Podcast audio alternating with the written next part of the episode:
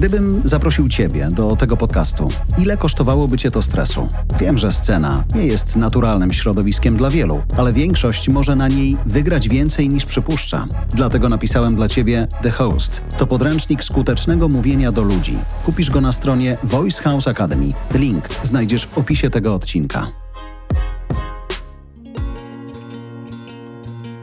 Ze studia Voice House gospodarcze podsumowanie tygodnia ekonomicznie in brief. Najnowsze wiadomości dotyczą wydarzeń od 28 października do 2 listopada 2023 roku.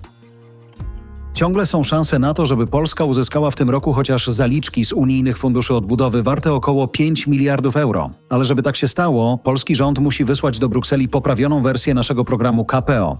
Problem w tym, że jest na to bardzo mało czasu. Zaliczki przepadają z końcem roku, a ostatnie posiedzenie Rady Unii Europejskiej, które może je nam udostępnić, ma się odbyć 8 grudnia. Nad nową wersją programu cały czas pracuje rząd Morawieckiego. Nieoficjalnie jednak wiadomo, że dokument przygotowany przez nowy rząd Donalda Tuska zostałby w Brukseli potraktowany z większym zaufaniem. Mateuszowi Morawieckiemu po mocno antyunijnej kampanii wyborczej w Brukseli nie ufa raczej nikt. Stąd wiele zależy od tego, czy prezydent Andrzej Duda desygnuje na premiera Tuska czy Morawieckiego. Według lidera trzeciej drogi prezydent może wyznaczyć na premiera Donalda Tuska, jeśli przed pierwszym posiedzeniem Sejmu nowej kadencji dostanie od partii posiadających większość w nowym Sejmie umowę koalicyjną i osobowy skład rządu. Zdaniem Hołowni jest to do zrobienia. Warszawska giełda zaliczyła w październiku wzrost o ponad 12%. Był to dla niej najlepszy miesiąc od listopada zeszłego roku. Co więcej, było to także w tym miesiącu najlepsze osiągnięcie na świecie. Według Bloomberga spośród ponad 90 monitorowanych indeksów giełdowych to właśnie WIG20 wypadł w październiku najlepiej. Z kolei najsilniejszą walutą na świecie w ostatnim miesiącu był złoty, który umocnił się do dolara i do euro o kilka procent. Zdaniem sporej części analityków to reakcja rynku na wynik wyborów w Polsce. Zmiana władzy, odejście PiSu i stworzenie rządu przez partie zdecydowanie bardziej prounijne. Główna przyczyna wzrostów na polskim rynku finansowym to właśnie perspektywa poprawy relacji z Brukselą, a w efekcie także oczekiwane odblokowanie funduszy unijnych, a może nawet podniesienie polskiego ratingu. Przedstawiciel agencji Standard Poor's mówi, że jest to możliwe, jeśli przy okazji naprawiania relacji z Unią i wypełniania kamieni milowych koniecznych do uzyskania dostępu do unijnej kasy uda nam się poprawić tzw. Tak efektywność instytucjonalną. Czyli mówiąc wprost, jeśli uzdrowimy sądownictwo w sporej części zniszczone w czasie, kiedy minister ministrem sprawiedliwości był Zbigniew Ziobro. Inflacja w październiku spadła do 6,5%, mniej więcej zgodnie z zapowiedziami ekonomistów. Jednak w relacji do września średni poziom cen podniósł się o 0,2%.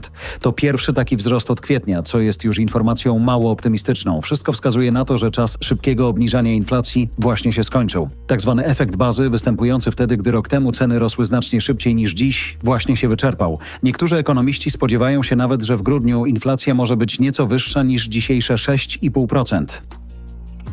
Kolei na to, co będzie się dziać z inflacją w przyszłym roku, duży wpływ będą miały decyzje nowego rządu o tym, czy przedłużać funkcjonowanie zerowego VAT-u na żywność i zamrożenia cen energii elektrycznej dla gospodarstw domowych. W czasach sporej dziury w budżecie przydałoby się zrezygnować z tych programów, bo dałoby to wzrost dochodów podatkowych.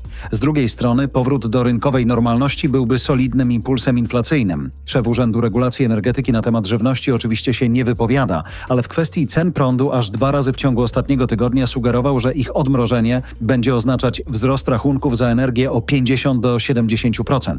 Jego zdaniem takie odmrażanie można przeprowadzić stopniowo, rozłożyć je w czasie tak, żeby podwyżki cen były bardziej znośne dla odbiorców. Tak naprawdę jednak to nie on będzie o tym decydować, tylko nowy rząd, na który jeszcze parę tygodni sobie poczekamy. Ekonomiści coraz częściej i coraz głośniej mówią o tym, że na świecie skończył się okres podnoszenia stóp procentowych.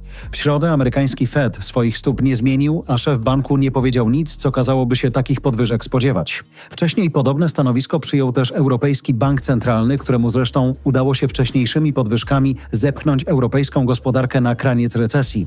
Eurostat podał właśnie, że PKB w strefie euro w trzecim kwartale minimalnie, bo o 1,1%, ale jednak spadł. Scenariusz bazowy wygląda więc tak, że teraz przez kilka miesięcy stopy procentowe będą stać w miejscu, a potem zacznie się ich obniżanie. Najpierw w strefie euro, bo tu sytuacja gospodarcza jest gorsza, a następnie także w Stanach Zjednoczonych.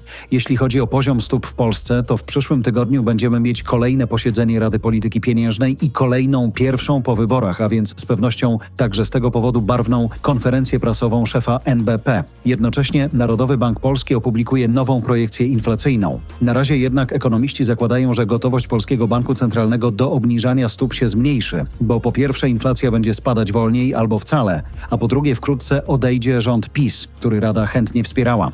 Możliwe więc, że zobaczymy jeszcze tylko jedną obniżkę stóp, a potem będziemy mieć przerwę w tym cyklu.